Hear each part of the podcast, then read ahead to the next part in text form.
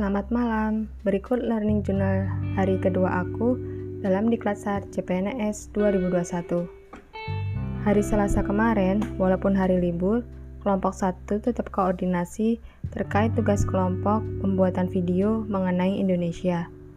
Karena durasi video yang diberikan hanya 5 menit, jadi tiap peserta mengumpulkan video dengan durasi sekitar 25 detik dengan tema yang berbeda-beda tapi masih dalam satu alur.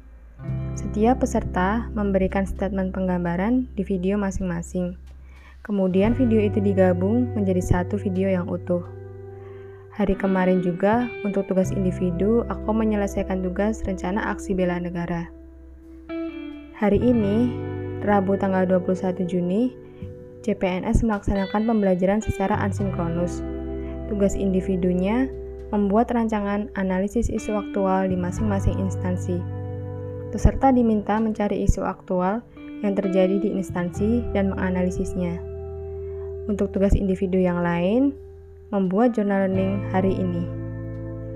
Di tugas kelompok, kita berkoordinasi penyelesaian tugas analisis isu kontemporer. Kita ditugaskan untuk menganalisa isu yang sedang happening di Indonesia. Pilihan kelompok satu yaitu pada isu mengenai hoax. Seperti biasa, ada pembagian tugas agar semua peserta bisa aktif berkontribusi. Sekian learning journal hari kedua aku. Sampai jumpa di learning journal selanjutnya. Terima kasih.